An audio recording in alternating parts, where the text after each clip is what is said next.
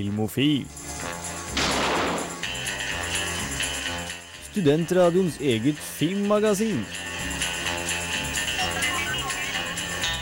Lights ready, all set. Cameras. Sjalabong pling plong, og velkommen til ukas sending av Filmofil her på Radio Revolt. Vi har som vanlig planlagt en fest av en sending for alle heldige lyttere. Mitt navn er Gaute Eliassen, og med, med meg i studio har jeg Camilla Carleone Klein Hei, hei. og Bård Batman Rætstad. I'm back and this time it's personal. Yes, nice. Har dere det fett? Er Ja, dere klar? Ready for action. Yes, bra. Vi skal som vanlig anmelde ukas eh, kinopremiere, som denne uka er Anna Karenina, actionfilmen eh, Parker og eh, Oscar-nominerte The Master. Så det tror jeg blir bra. I tillegg blir det filmnyheter, litt Oscar-prat, med tanke på at utdelinga skjer på søndag, som kommer nå. Det blir jo spennende. Og en helvetes bra filmlåt. Så det er bare å glede seg. Først skal vi selvfølgelig høre en annen jævlig bra låt. Og her får du Thou and The Get Down Stay Down med den freshe rockelåta City.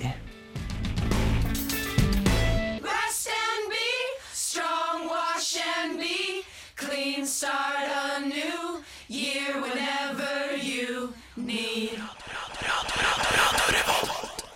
Tao and The Get Down Stay Down med låta City.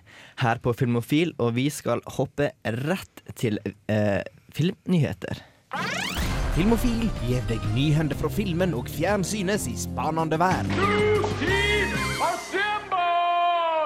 Yes, eh, du kan få lov til å ta første nyhet, Camilla. Yes. Um, Hodejegerne har jo blitt en veldig stor suksess, internasjonalt også, så de har sett det i USA, og det er jo stas. Mm, det blir vel en, skulle vel bli en remake, amerikansk remake. Selvfølgelig. De kan jo ikke, kan jo ikke se noe med tekst. Det Nei, feil. det blir feil. Eh, så Aksel Hennie har jo trukket til seg litt mer oppmerksomhet internasjonalt òg nå, så Mm. nå har han um, blitt signa til å være med i filmen Hercules.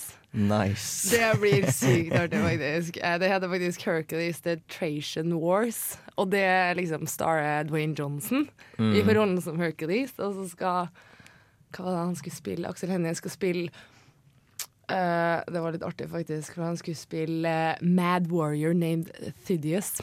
Ok, Mad Warrior høres ut som nesten bare sånn eh, birolle, sånn statistrolle nesten. Han- Mad sikkert Warrior number one. Ja, det er sikkert ikke Nei, han heter jo Thydius, da. så Ok, han har et navn, ja. mm, Jeg tror ikke du trenger så stor emosjonell rang når det er Mad Warrior. Ah, I'm mad! Men, uh, I'm in ja. war!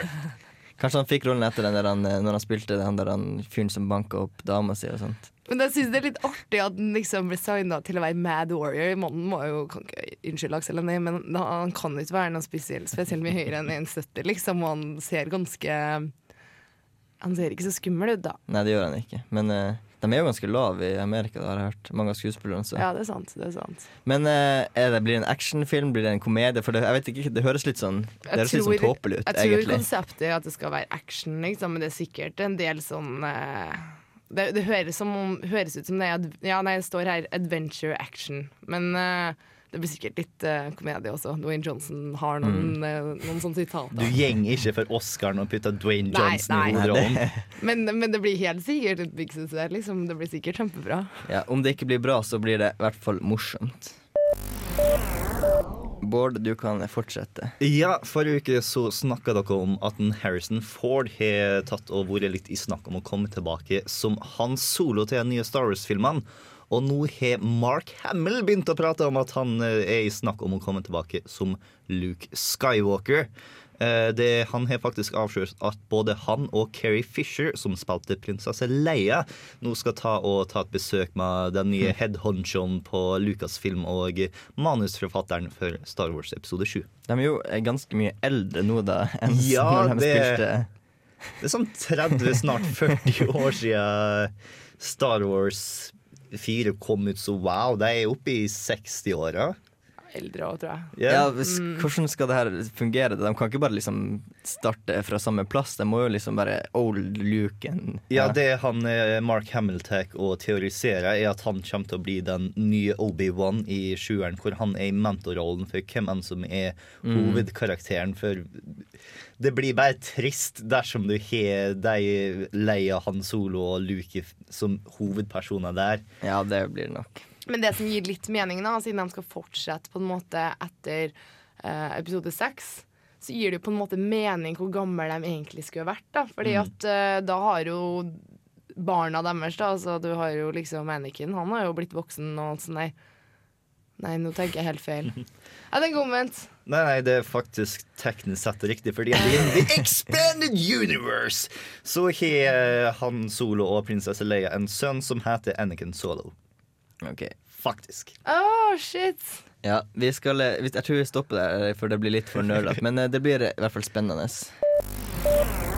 Ta en liten nyhet til du, Camilla. Ja, det er bare en sånn liten vittighet, egentlig. Um, jeg pleier å se på Oscaren hvert år. Jeg syns det er kjempestas, og jeg koser meg stort når jeg gjør det. I år så skal det være eh, litt mer stas rundt det, for vi skal i Prinsen kino og se på Oscaren der. Og nå har jeg nettopp lest en liten sånn nyhet, fordi det er veldig sånn big deal akkurat det her. Da. Det avslutter alltid med the announcement av uh, Best Picture, og da er det ferdig. Da drar folk hjem etterpå. Eh, og nå har de sagt at det skal de ikke gjøre i år. Jeg forsto det sånn at det skal fremdeles være den siste prisen som blir gitt bort, men det skal være show fremdeles etterpå. Det er ikke bare å Ja, ja. sammen og gå hjem etterpå. Men da har man ingenting å vente på, en måte. Nei, det, det som er greia er jo at eh, det blir jo dårligere og dårligere stemning inn på salen her uh, utover kvelden. Fordi etter hvert så blir jo flere og flere tatt også Eller flere og flere blir jo tapere. Ja. For de taper liksom Og så blir man kanskje sånn litt sliten også. Det Ja, varer jo en stund, liksom. Ja, det var mine kategorier. Nå bryr jeg meg egentlig ikke så veldig mye Ja. lenger. Så jeg vet ikke helt hvordan det blir. Det blir litt spennende akkurat det der, da. Men uh, vanligvis så er det litt sånn de pleier å gjøre det. Ikke i år, så det blir spennende å se hvordan de skal holde oppmerksomheten til stjernene videre. Hva show skal jeg ha? Skal Seth MacFarlane begynne å sjonglere? Ja. Sånn, Hei! Party fortsatt fungerer! Jeg ser på meg at det fort blir noe sånt. Ja. Det, det er ikke veldig usannsynlig. faktisk Men han har faktisk snakka litt om det. For at hans humor er jo ikke helt in sync med kanskje hele USA. De hadde gjort en sånn survey i forhold til Family Guy. Det var ikke så veldig populært. Nei, det har blitt tatt av mange ganger, Ja. liksom, så Ja, ikke sant? Eh, Så, eh, så han har sagt at han må balansere det litt. Grann, da. ja. Nei, men eh, vi får vente til søndagen og se hvordan det blir. Vi skal eh, ta litt flere nyheter, men først må vi høre litt mer musikk. Eh, Du får Joey Badass med Unorthodox.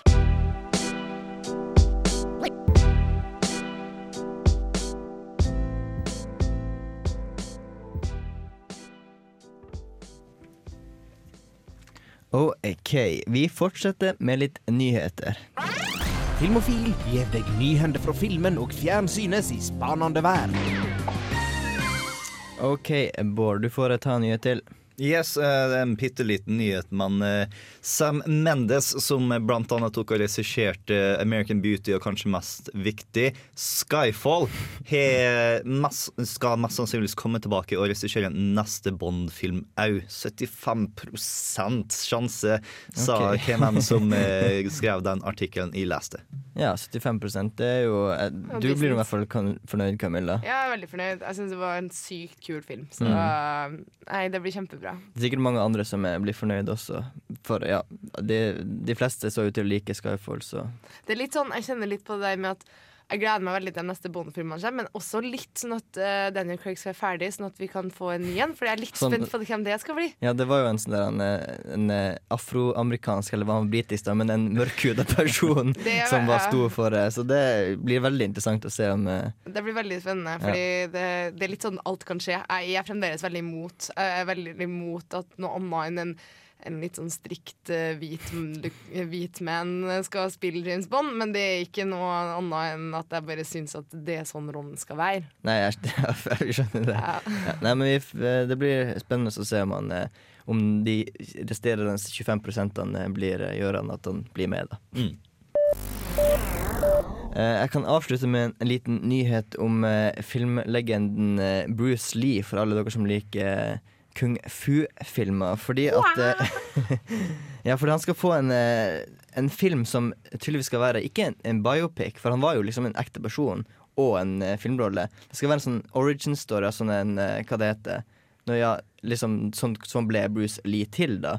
Men det skal være en, liksom en blanding mellom eh, den karakteren han har spilt i filmene, og det virkelige liv. Ja. Så eh, det høres Det høres litt eh, sprøtt ut. Nei, den, Det kommer til å være sånn at folk ser det, og så tenker de, og så snakker de om ja, det var sånn han var, det var sånn det skjedde. Sånn, Nei, det er jo ikke det. Det er jo en god blanding av fiksjon og virkelighet, så du må ta alt med en klype salt, liksom.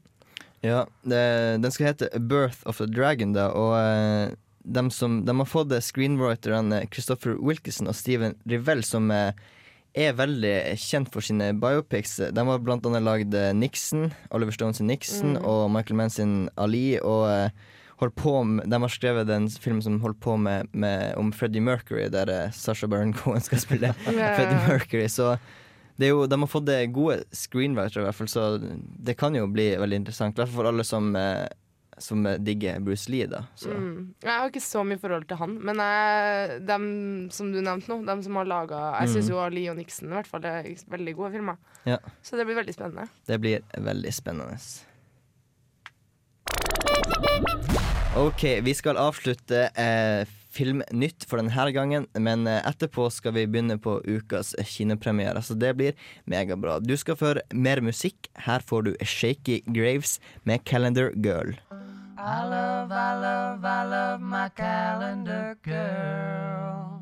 Gentlemen, you had my curiosity, but now you have my attention. Yes, du hørte nettopp Villagers med 'Nothing Arrived', og vi er kommet til ukas kinopremiere. Og eh, første film ut er Anna Karenina, som Kristine har vært og sett. Eh, men jeg vet ingenting om den filmen, men det vet du, Camilla, for du har tydeligvis også sett den. Mm, det har jeg. Hva det er slags type film, bare sånn kort? Eh, den er basert på en veldig kjent roman som heter 'Anna Karenina' eh, av Tolstoy.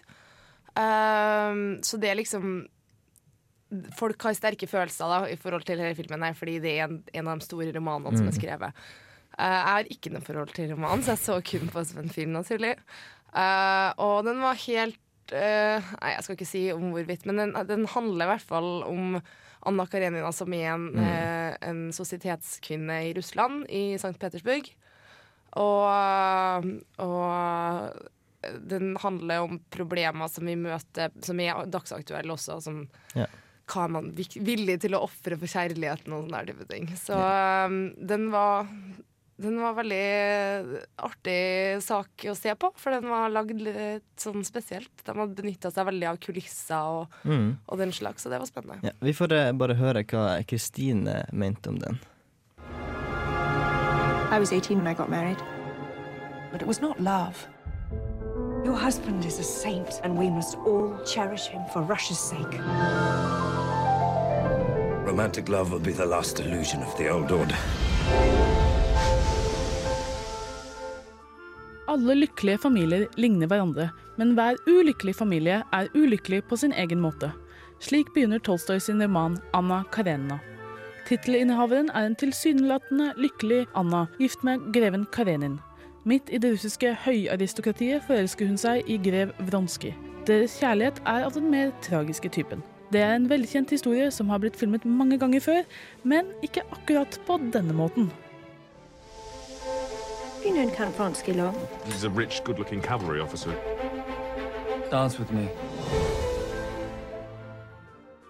Regissør Joe Wright har tatt Tolstoys idealisme og kastet det ut vinduet. Isteden har han bygd opp historien rundt ideen om at alt av aristokratiets regler og ritualer er skuespill, og satt det hele til et teater. Det hele minner mest om en ballett med ganske fantastiske overganger mellom scenene. Jeg tok meg selv i å gynge til en stille takt. Alt flyter så godt at man nesten blir distrahert av alt man kan se, som om man er på et tog som farer forbi altfor fort. Filmen er derimot ikke bundet til teatret, og mange ganger reiser vi ut i verden for å besøke andre karakterer, som kanskje har et litt sunnere liv blant ekte hus og åkre. Når den store kjærligheten begynner å vakle, snubler også hele balletten. Flyten stopper opp nesten helt. Dette er nok et bevisst valg, men kan få noen til å innse at de egentlig ikke har fulgt med på personene, og derfor ender de opp med å kjede seg i lange partier. I must warn you about something. Warn me. You may, by indiscretion, give the world occasion to talk about you. Wright har også hentet fram stjernen sin fra Stolthet og fordom, Keira Knightley. Har du sett Grevinnen, vet du at Knightley kan denne rollen så bra at man nesten ikke trenger å følge med på hva hun gjør. Hun spiller nok navnet på plakaten, men for meg var det mannfolka som stjal showet. Aaron Taylor Johnson spiller Vronsky, og han begravde all min skepsis etter det første minuttet på skjermen. Han har en utrolig oppriktighet i blikket når han deklarerer sin kjærlighet, men sekundet han snur seg vekk og hilser på en annen pen prinsesse, begynner man i likhet med Anna å tvile på hans følelser. Jude Law har fanget grev Karenin utrolig bra, og det er ikke ett sløst blikk fra han. Med et teater full av kjente fjes som alle gjør en god jobb, har Anna Karenina aldri blitt filmet med så mye energi, i hvert fall ikke den første akten. Anna Karenina er en lang bok, og det er en lang film. Den er fantastisk å se på, men det er mange karakterer å bli kjent med, samtidig som man blir med inn i en slags russisk Moulin Rouge. Det er spektakulært å se på, men handlingen kan forsvinne litt i starten. For de av oss som vet hva vi går til, gjør ikke det så mye. Joe Wright tok en sjanse på Anna Karenina og har skapt noe veldig originalt, som absolutt er verdt å få med seg. Tegnekast fire. I love you. Why? Can't ask why about love. Jeg er eh, Agnes Kittelsen, Og jeg er Aksel Henning. og det er viktig at eh, dere hører på Filmofil. Filmofil. Yes. Du hørte nettopp Kristine sin anmeldelse av Anna Karenina, og vi skal fortsette med ukas kinopremierer, fordi at Jens Erik var også Parker, med blant Jason J med blant annet Jason Statham og Jennifer Lopez. Så eh, vi får rett og slett bare høre hva han mente om den.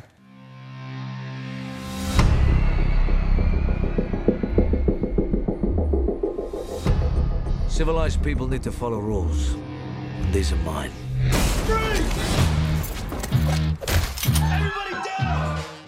Det er ganske rart hvordan noen skuespillere slipper unna med å spille samme rolle gjentatte ganger over flere filmer. Jo da, de heter veldig sjeldent det samme, men om du ser bort fra navnet og jobben, så står man til slutt igjen med omtrent samme rollefigur med omtrent samme personlighet.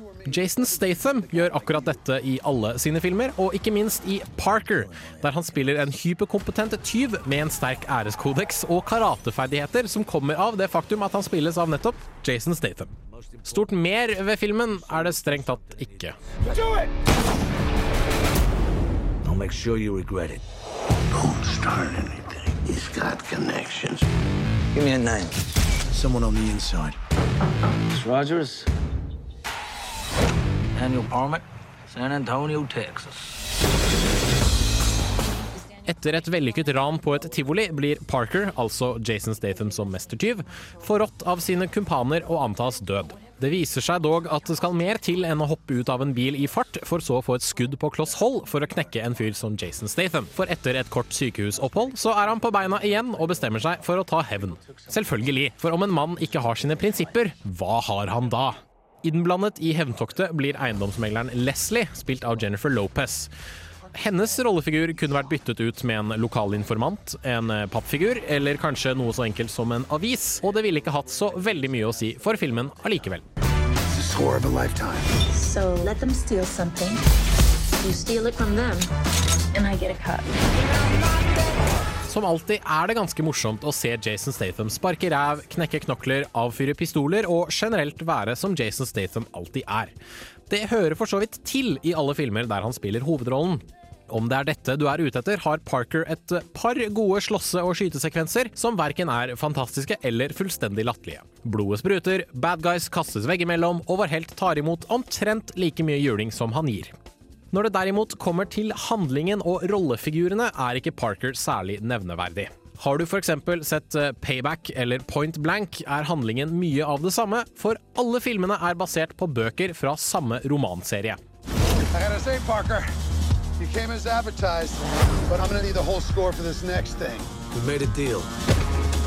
me, like kill him while he had the chance. Så var det Jennifer Lopez, da. Som eh, tilsynelatende er med i filmen for å bevise at hun fortsatt er en relevant skuespiller. Det er hun ikke. Hennes rollefigur er flat som en pannekake, og er et dårlig forsøk på å sprøyte inn litt humor i Parker sitt grimme historieforløp. Det føles litt som om hun vandret inn fra en helt annen film og slo seg ned fordi Jason Statham tilfeldigvis gikk forbi i cowboyhatt og slangeskinnstøvler. Lopez har ingenting å spille på, hennes karakter er totalt ubrukelig og irriterende, og til syvende og sist er Leslie fullstendig overflødig i filmens handling. I don't know what you're into, but whatever it is, you're gonna need somebody who knows the territory. Take off your clothes. What? I have to know if you're wearing a while. Parker er verken nyskapende, interessant eller spesielt spennende. Har du sett én kriminalthriller der en yrkeskriminell tar hevn på sine gamle kumpaner som tilfeldigvis har tilkobling til mafiaen, har du sett de aller fleste. Og Parker følger formelen til det aller ytterste. Brutaliteten i kampscenene hever filmen lite grann, men er du kun ute etter å se Jason Statham sparke ræv i to timer, finnes det langt bedre filmer enn dette. Terningkast to. I wanna know where you are. I wanna know when you leave your home.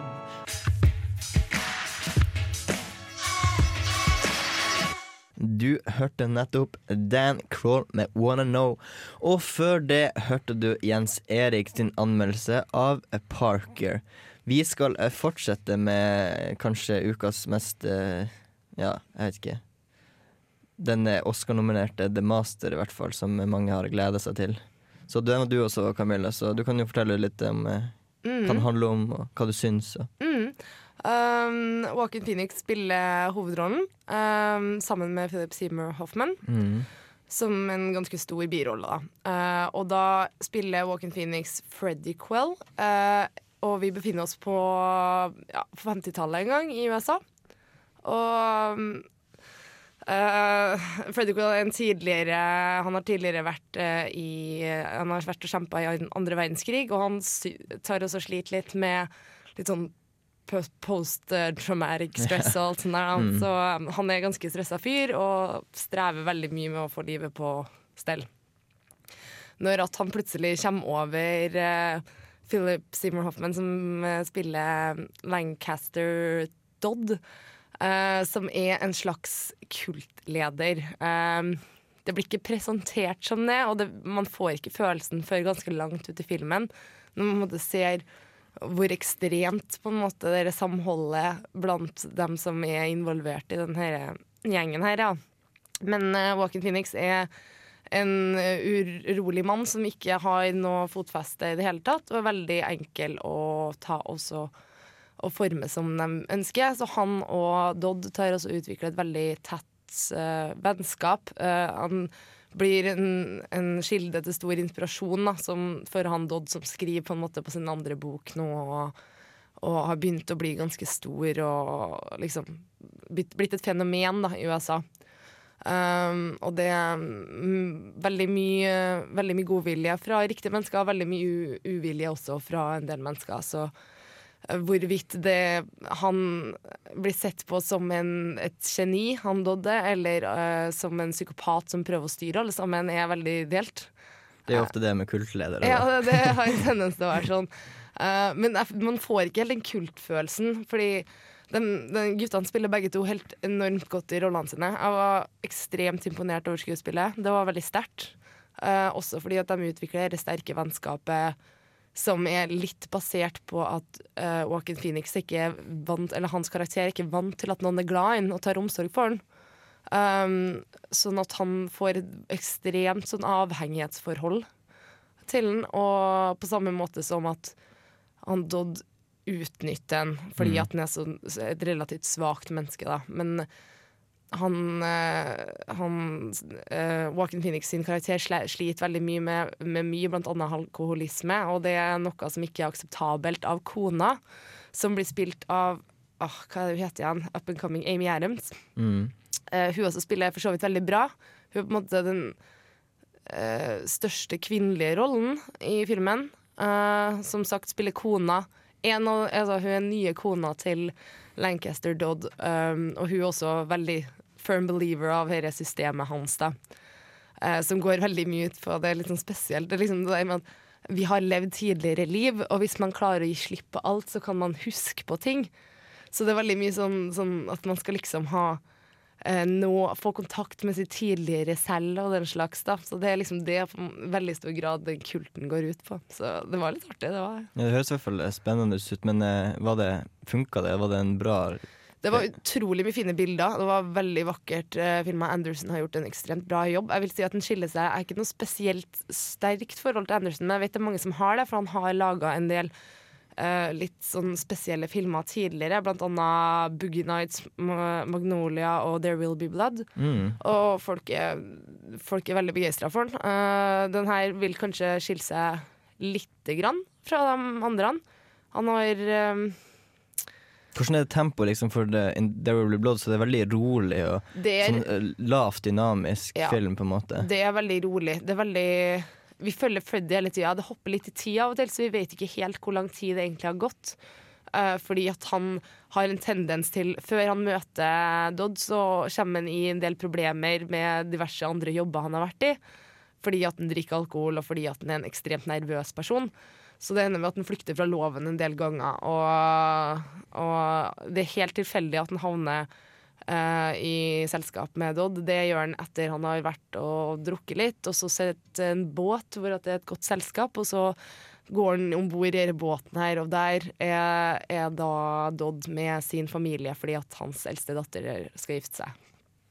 Det jeg har fått mest eh, høre om denne filmen her nå, er at det handler om starten av no- Scientology uten å si at det er starten av Scientology. Ja. Fikk du det inntrykket? Nei, jeg gjorde faktisk ikke det. Uh, men det var rett og slett fordi at jeg syns det tok ganske lang tid før han, han er en sånn over, Man får ikke det Crazy Man-konseptet, på en måte, fordi at han er en sånn ekstremt god skuespiller, og man tror på denne karakteren Dodd så mye at han virkelig tror på det her, og at, eh, at det kanskje ligger noe i det. For vi vet jo ikke alt, vi heller, Mm. hva som egentlig finnes i universet. og sånt. Så det blir sånn, det en interessant tanke mer enn annet. Og jeg tenkte, tenkte ikke på et eneste tidspunkt at det her er det er bare crazy horseshit, før det var liksom nærma seg slutten, og at det var, de begynte å bli litt strenge, liksom. Mm.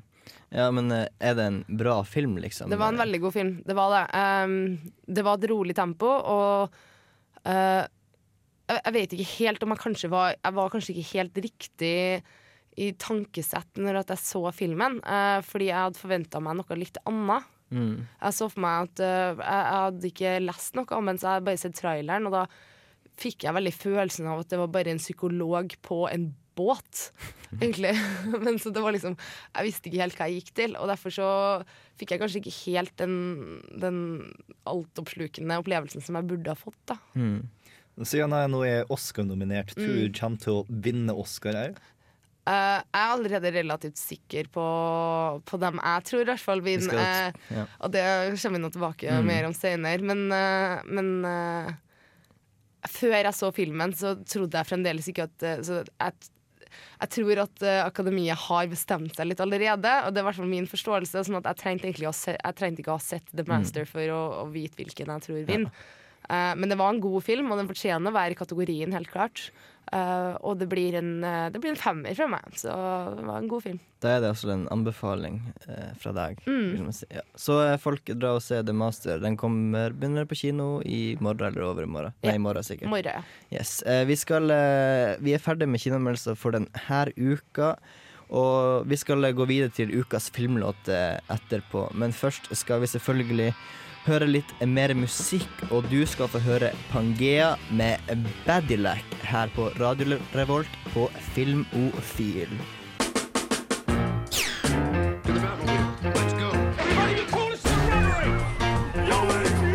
Dette er Filmofil. Film, fjernsyn, skuespillere, kamera, action. Ja, rubb og stubb her på Radio Revolt. Play it once, Sam. Det er jo alltid å ha musikk når den er påtent. Helst noe indisk eller pakistansk. Ukas filmlåt. Eh, Yes, det stemmer det. Vi er på ukas eh, filmlåt, og som jeg sa i begynnelsen, så skal vi ha en helvetes låt av en filmlåt. Og det, jeg banner ikke bare fordi at jeg syns det er kult å banne. Hvorfor eh, banner jeg, Camilla? Du banner fordi at uh, det er litt djevelsk. Det er litt djevelsk. Mm. Det er bare på sin plass, fordi Mm. eh, dagens, eh, eller ukas filmlåt det er henta fra The Devil's Advocate, eller Djevelens advokat. En helt uh, grei film. Den har sine lyse punkter og sine Altså, det er ikke en eksepsjonell film, men den er ganske kul. Uh, det er med Keanu Reeves og Al Pacino i hovedrollene. Og da spiller Al Pacino The Devil. Det er ganske kult. Det konseptet er ganske kult, liksom. Det holder egentlig. Um, og uh, han er da Men han er liksom på jorda. Han, vi vet ikke at han er djevelen egentlig. Uh, han er en av lederne for et stort advokatfirma i New York, uh, og de rekrutterer Keanu Reeves for å jobbe Mm. der. Uh, det som er så sykt kult, er når at vi blir introdusert for Pacino sin rolle i, i filmen. Så ser vi ikke ansiktene hans først. Han kommer liksom ned i en heis, eh, og så begynner musikken å spille litt i bakgrunnen. Så ser vi hendene hans, han driver og hilser på masse. Han er tydeligvis en viktig person. Og i bakgrunnen så hører vi Rolling Stones eh, sin sang 'Sympathy for the Devil'. Og det er en helt sykt kul sang. Så, Det er jeg helt enig i, ass. så jeg tenkte vi skulle høre på den, da. Vi, vi gjør rett og slett bare det. Her får du Rolling Stones med 'Sympathy for the Devil' fra filmen 'Djevelens advokat'.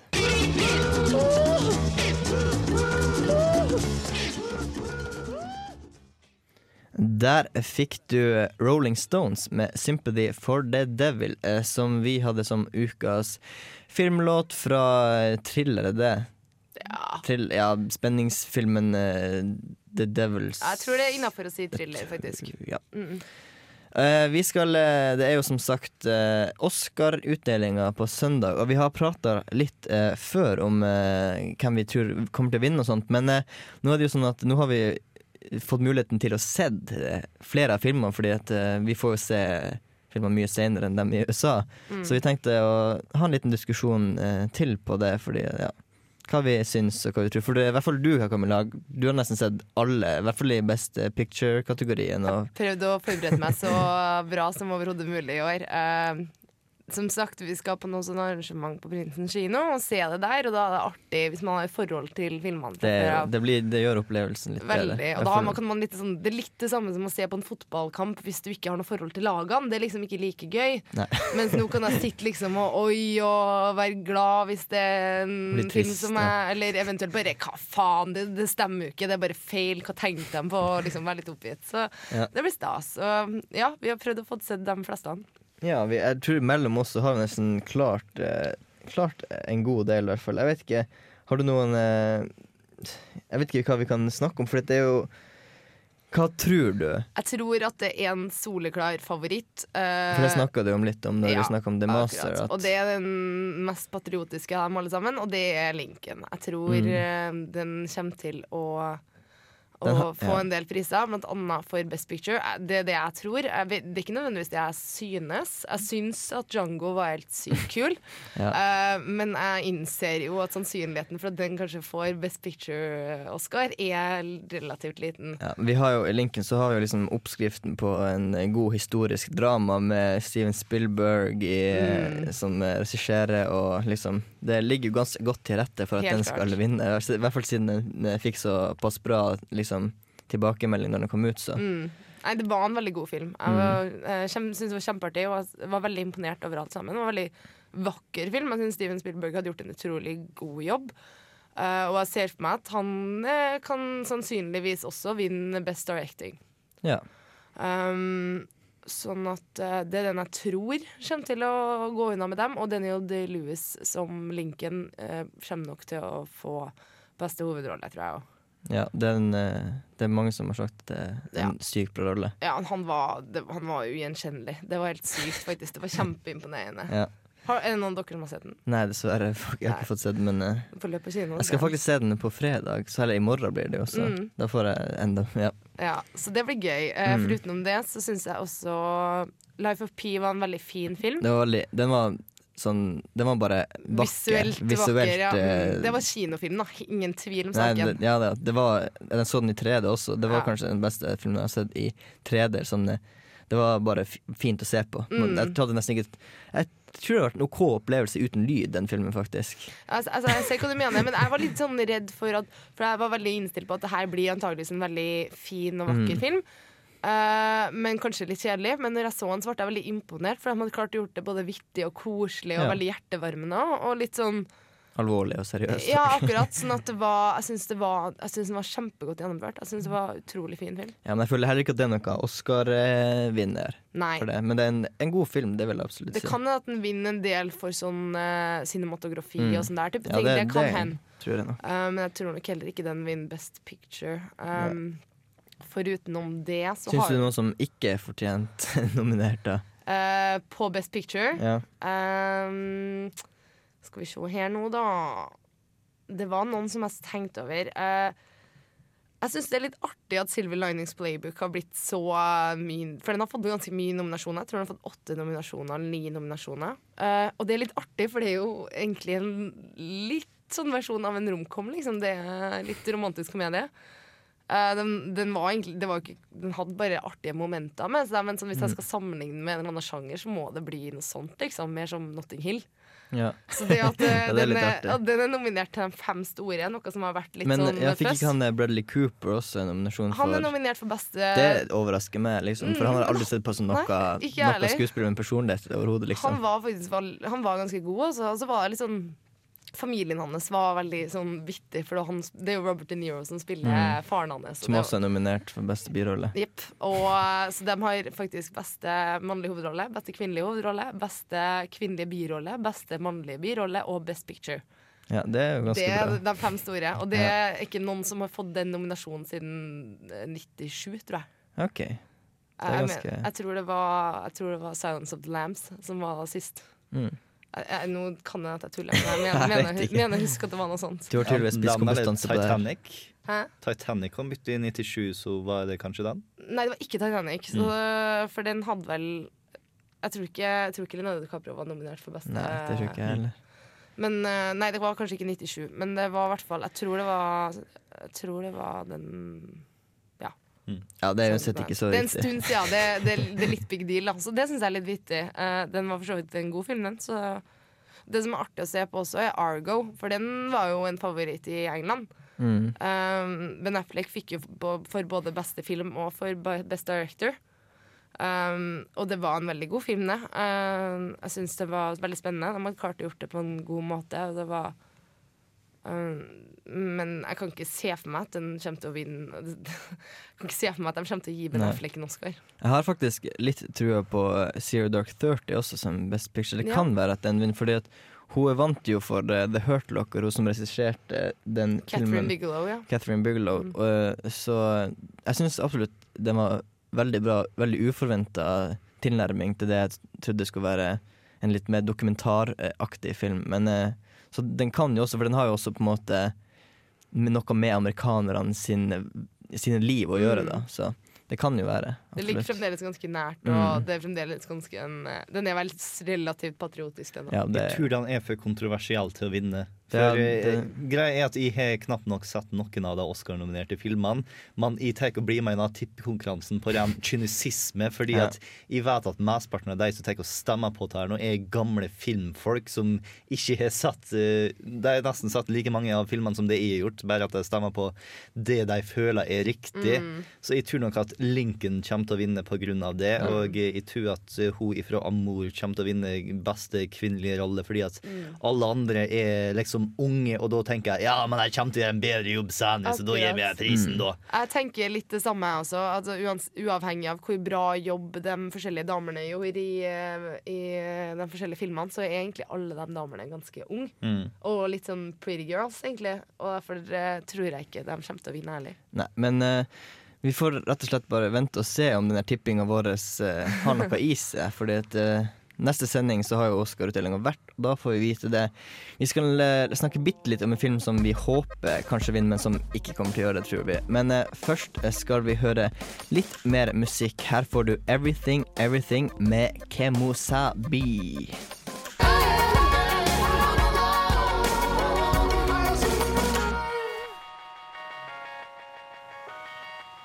Du hørte nettopp Everything Everything med Kemosabi. Og eh, vi har prata litt om, at, eh, om Oscar, dem vi tror skal vinne og sånt. Og vi skal bare For litt Django Unchained syns i hvert fall jeg var helt sykt kul, og jeg regner med at dere Men liksom Han kommer ikke til å vinne for beste film for en en film. Det er litt for Det hadde vært det sprøeste ever hvis det hadde skjedd. Det, Men, hadde, det det, har, men det har vært helt sykt rått, da. det, har vært, det, har vært, det har vært helt vanvittig rått. Men det som kunne ha skjedd også, egentlig, lite grann, eh, er at de kunne på en måte throw Tarantino eh, a bone, på en måte. Fordi at han har gjort veldig mye for filmindustrien, Mm, og det, han, de vet hvor stor på en måte fanbase han har. Ja. eh, og hvor mye han egentlig betyr, eh, sånn sett, som filmskaper. Sånn at eh, på et eller annet tidspunkt så er jeg nødt til å gi inn den, den uh Gi ham ja, gi meg det prisen, de er liksom. jo ikke det, da. Jo, men jeg føler litt det, altså. Fordi at jeg føler at det, det er liksom politikk akkurat der med Oscar. Altså. Ja. Det, de, de gir det til liksom Lifelong Achievement Awards-style. skjønner jeg hva jeg mener? Ja, så spørs om han en gang i tida tar å lage en film som ikke er hans beste, men han får Oscar for den, sånn Ja. som eh, Martin Scorsese med 'Departed'. Ja. Mm. Ikke sant? Altså, hvis han bestemmer seg for at Nei, faen, nå vil jeg bare ha den Oscaren, så får han den Oscaren ved å lage en litt straight film som ikke liker seg. Liksom. Det, Mm. Jeg tror ikke det er noe stress for han, sånn sett, men eh, Nei, men det, det hadde jo vært gått mot kjempe, han. det hadde vært det kjempetrist. Det hadde ikke gått, liksom. Nei. Men uh, fordi at uh, vi er så glad i Django Chain, så skal vi gi en, en liten sånn hommage ved å spille anmeldelsen, så dere fikk høre hva i hvert fall jeg syns om den når den var på kino. Her får du høre anmeldelsen av Django Unchained. Who's that stumbling around in the dark? State your business or prepare to get winged. Sist vi fikk en film av Tarantino, var det nazistene under andre verdenskrig som fikk gjennomgå.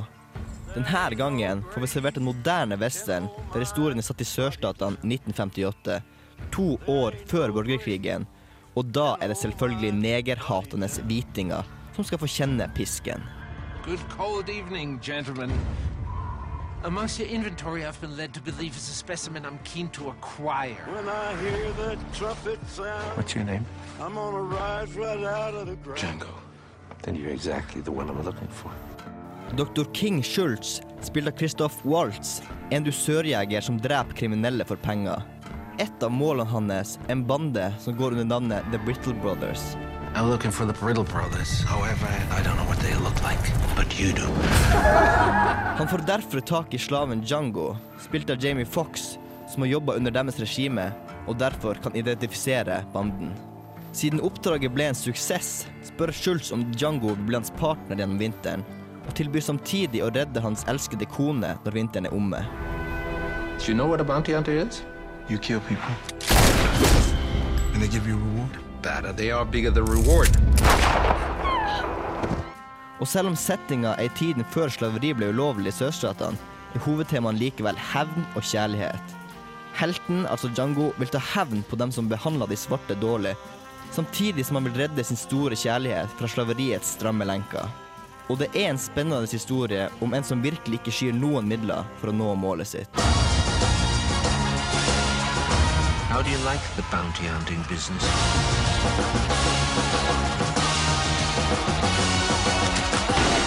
Kill white folks and they pay you for it? What's not to like? I like the way you die, boy.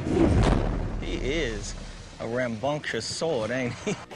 Django Unchained inneholder alt vi elsker og forventer av en Tarantino-film. Vittige dialoger, brutal vold, minneverdige sitater og en påminnelse om at alt er lov i film. Vi har blitt så kjent med Tarantino sitt grep av filmmediet at det nesten kan virke litt parodisk til tider. Men stilen hans funker fremdeles og er fortsatt meget underholdende.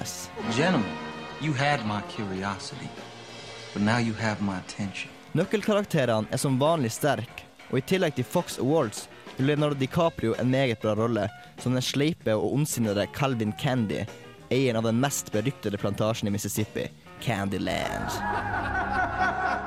Called my wife. They sold him. But I don't know who to.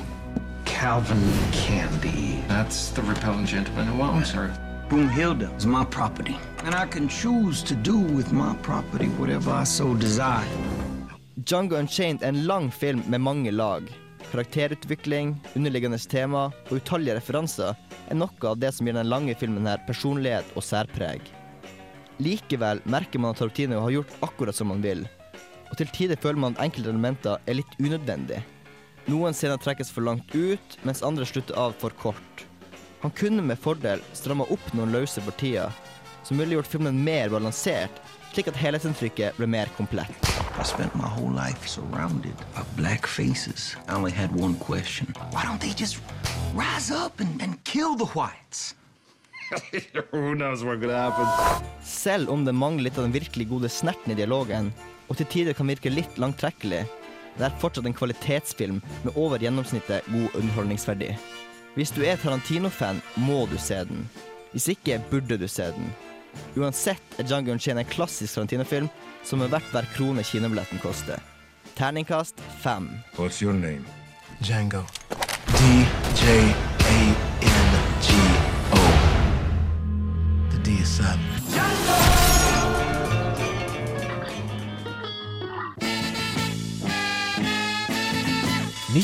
videohylla. Rykende ferske digitalfilmer som du kan ha i din heim. Ja, hva man skal si om videonytten her uka, det er vel kanskje det dårligste uka som noen gang har vært, med mindre du er fem år. Ja. Så har du heller ja. Ganske awesome dersom du er fem år. Ja. Sykt awesome hvis du digger Thomas-toget, Byggmester Bob, eh, Brannmann Sam.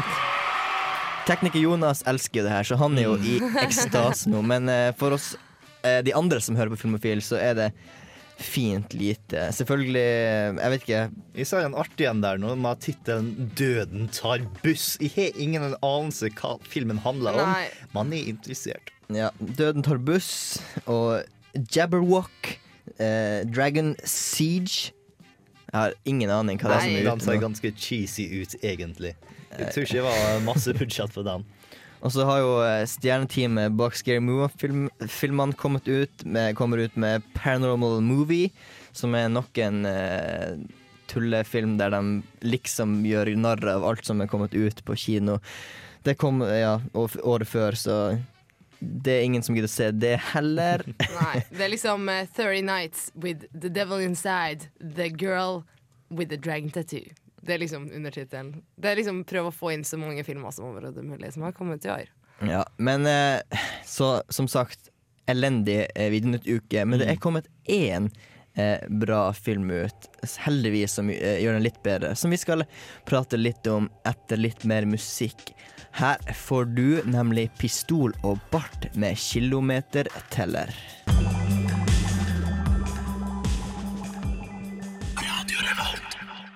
Du hørte nettopp Pistol og Bart med låta 'Kilometerteller'. Og vi nevnte rett før den låta at for det om det var mest eh, dritt som kom ut på video og DVD og Blu-ray-video Jeg tenkte VHS, VHS. Jeg tror ikke det kommer så mye VHS ut. Eh, Betamax og sånn. Men eh, video, ja. Det var, og det er altså Skyfall kommer på DVD, og den, den var jo bra, da. Ja, det var helt, helt rått. Det er helt rått. De, det er en ting man må kjøpe hvis man allerede har de fleste Bond-filmene i, i hylla. Ja. Må fylle ut med den. Mm. Og når den kom ut, så var du og Kristine og så den sammen. Og dere lager til og med anmeldelsen sammen også. Mm. Og det vi gjør da, er rett og slett å spille den anmeldelsen.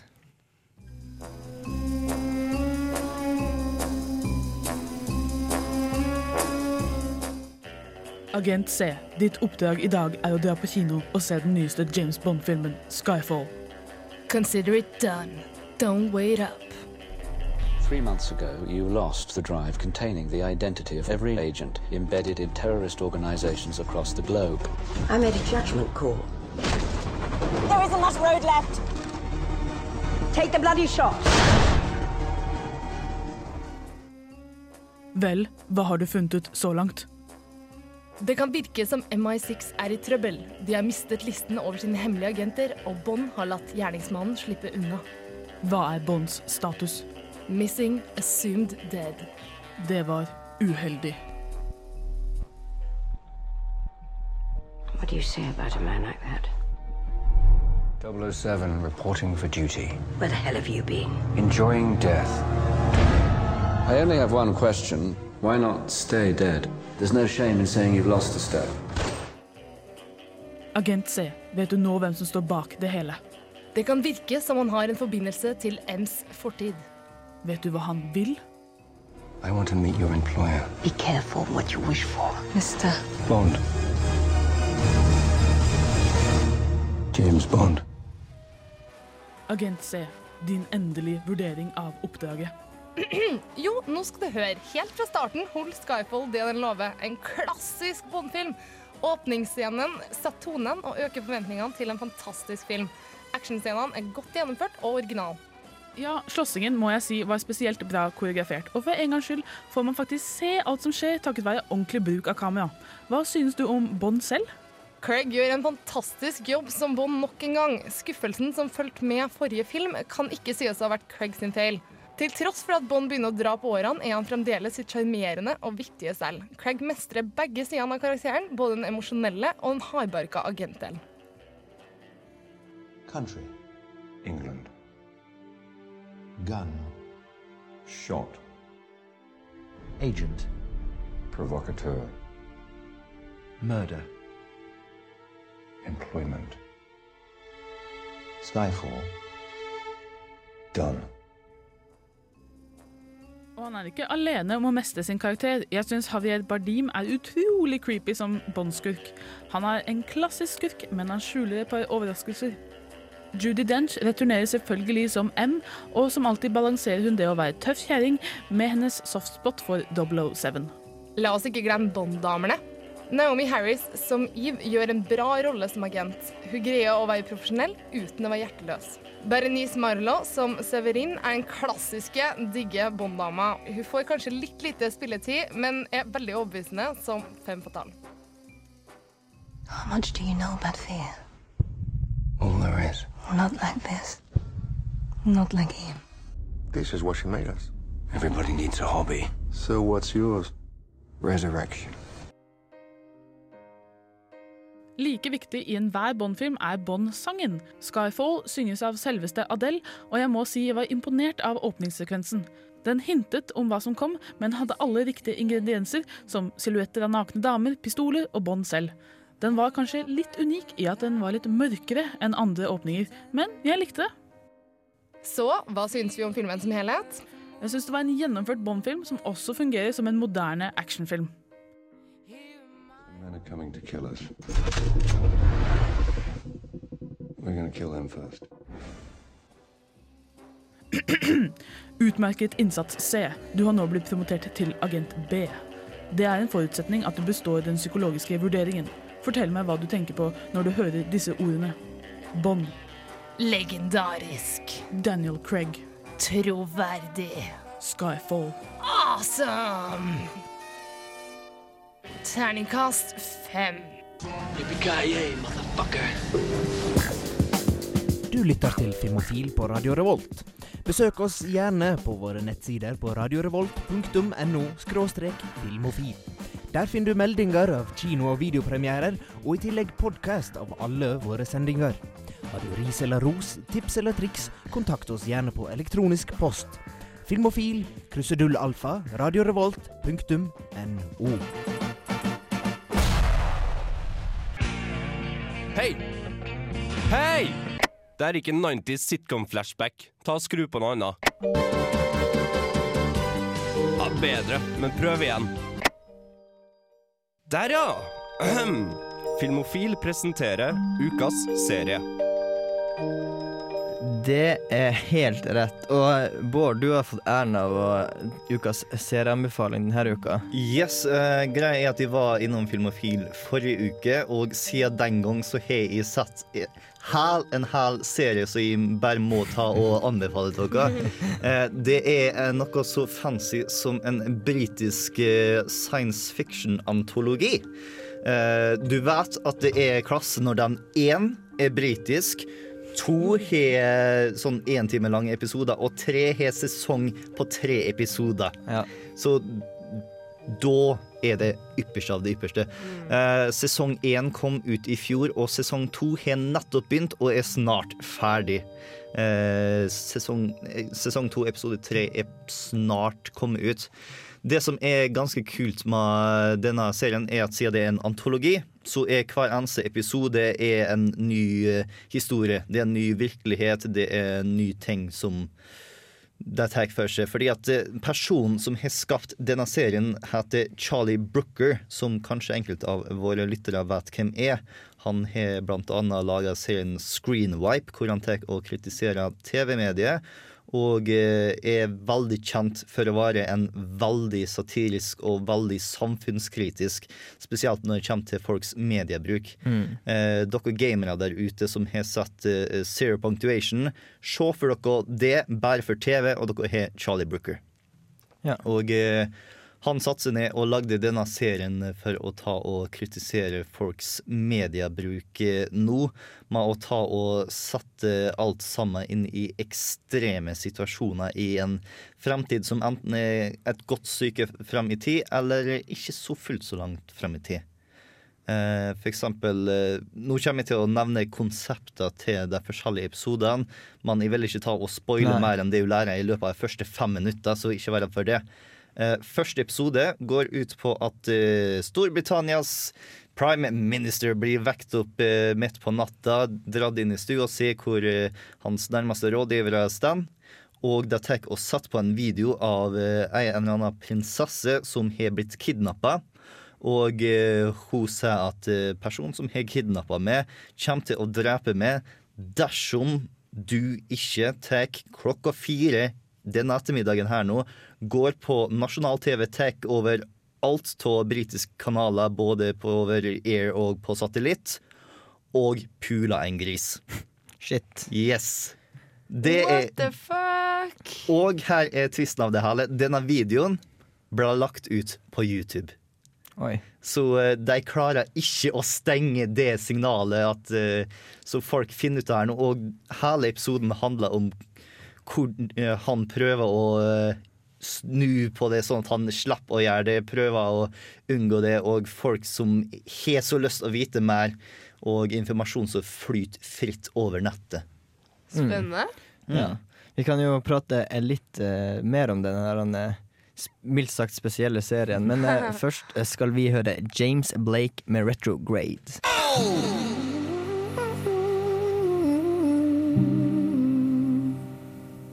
Hei, dette er Nikolai Kleve Broch. Eh, Jeg vil bare si, hør på Filmofil, så får du med deg mye bra stoff om film. Det stemmer det, og du hørte nettopp eh, James Blake med 'Retrograde', og vi snakker om ukas serieanbefaling som heter Black eh, Mirror. Mm. Yes. Og jeg har litt lyst til å gå inn på episode tre av sesong én, som faktisk nå har Hugh Jackman og hans produksjonsselskap kjøpt opp rettighetene til å lage film av. Eh, Den episoden heter The History of You og er en eh, sånn verden satt fem minutter i fremtiden, hvor den eneste forskjellen mellom vår verden og den verden, er at alle sammen har implantater rett bakom øret sitt, som tar og lagrer absolutt alt en person ser og hører. Så eh, eksempel dersom du var i et eh, møte, så kan du ta og spole tilbake til det møtet og ta og analysere gikk det bra eller dårlig, tok han og lo av vitsene mine, alt sånt som det er nå.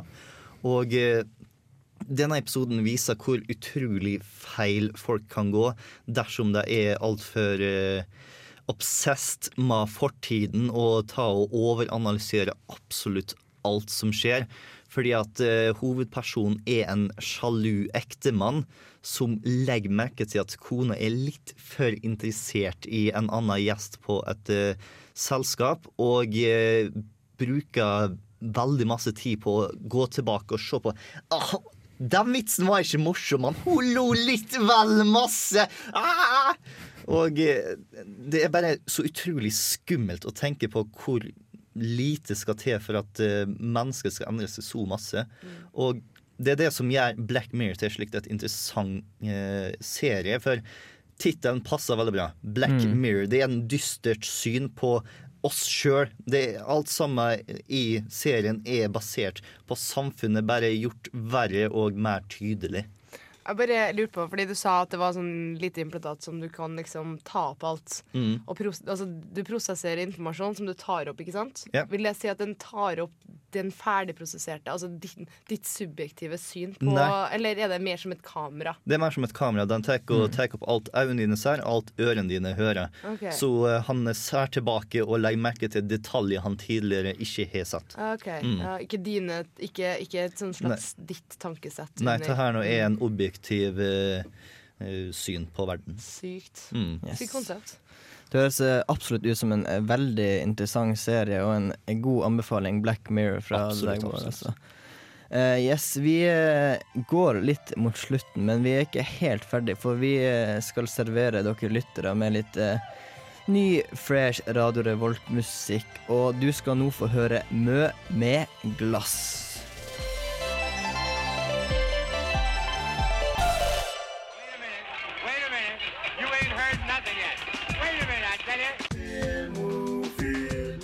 To them.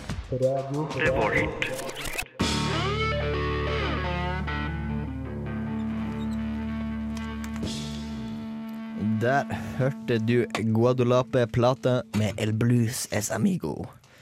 Litt eh, spansktalende blues der, altså.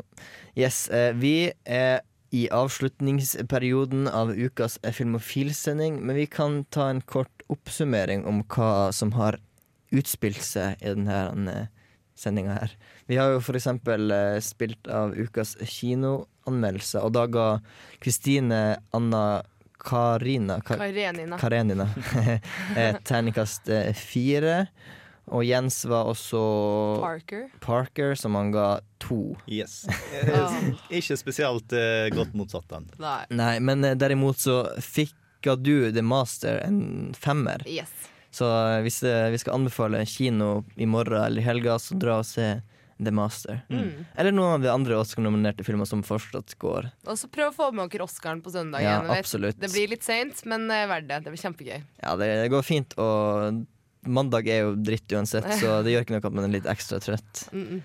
Ja, så eh, dere folk som har hørt på, må huske å gå inn på Facebook-sida vår og like eh, sida vår, sånn at dere kan se hva vi holder på med, og legge ut anmeldelser og ja, tise sending og sånt. Og så må dere laste ned podkast, eh, gamle, nye, for da kan dere høre på så mye filmofil dere bare orker. Det kan du gjøre hvis du går inn på radiorevolt.no og trykker på podkast som står der oppe, og da finn, kan du laste dem ned på iTunes eller i MP3 eller ja. Mm. Og dersom du liker annen fine musikken som er spiller av, så kan du ta og finne oss på Stream on Demand, Mm. som er nesten øverst til høyre på radiorevolt.no, der du ser en sånn mappe med en fin liten playtegn på seg. Og da får du sendinga i sin helhet med musikken, som, er, som jo er helt megabra. Vi har eh, kost oss i dag. Jeg har i hvert fall kost meg, så Men eh, det er, man må jo si ha det. Og eh, det skal vi gjøre. Det var hyggelig at dere hørte på, og i studio har vi vært eh, Camilla Klein. Yes. Det var så rolig musikk. Det ble helt sånn godnattstemning. Og Bård Ræstad. Mitt navn er Gaute Eliassen. Tekniker i dag har vært Jonas Strømsodd. Du skal få høre Vintergatene med Sommerfogel. Vi har vært Filmofil. Ha det bra. Snakkes neste uke.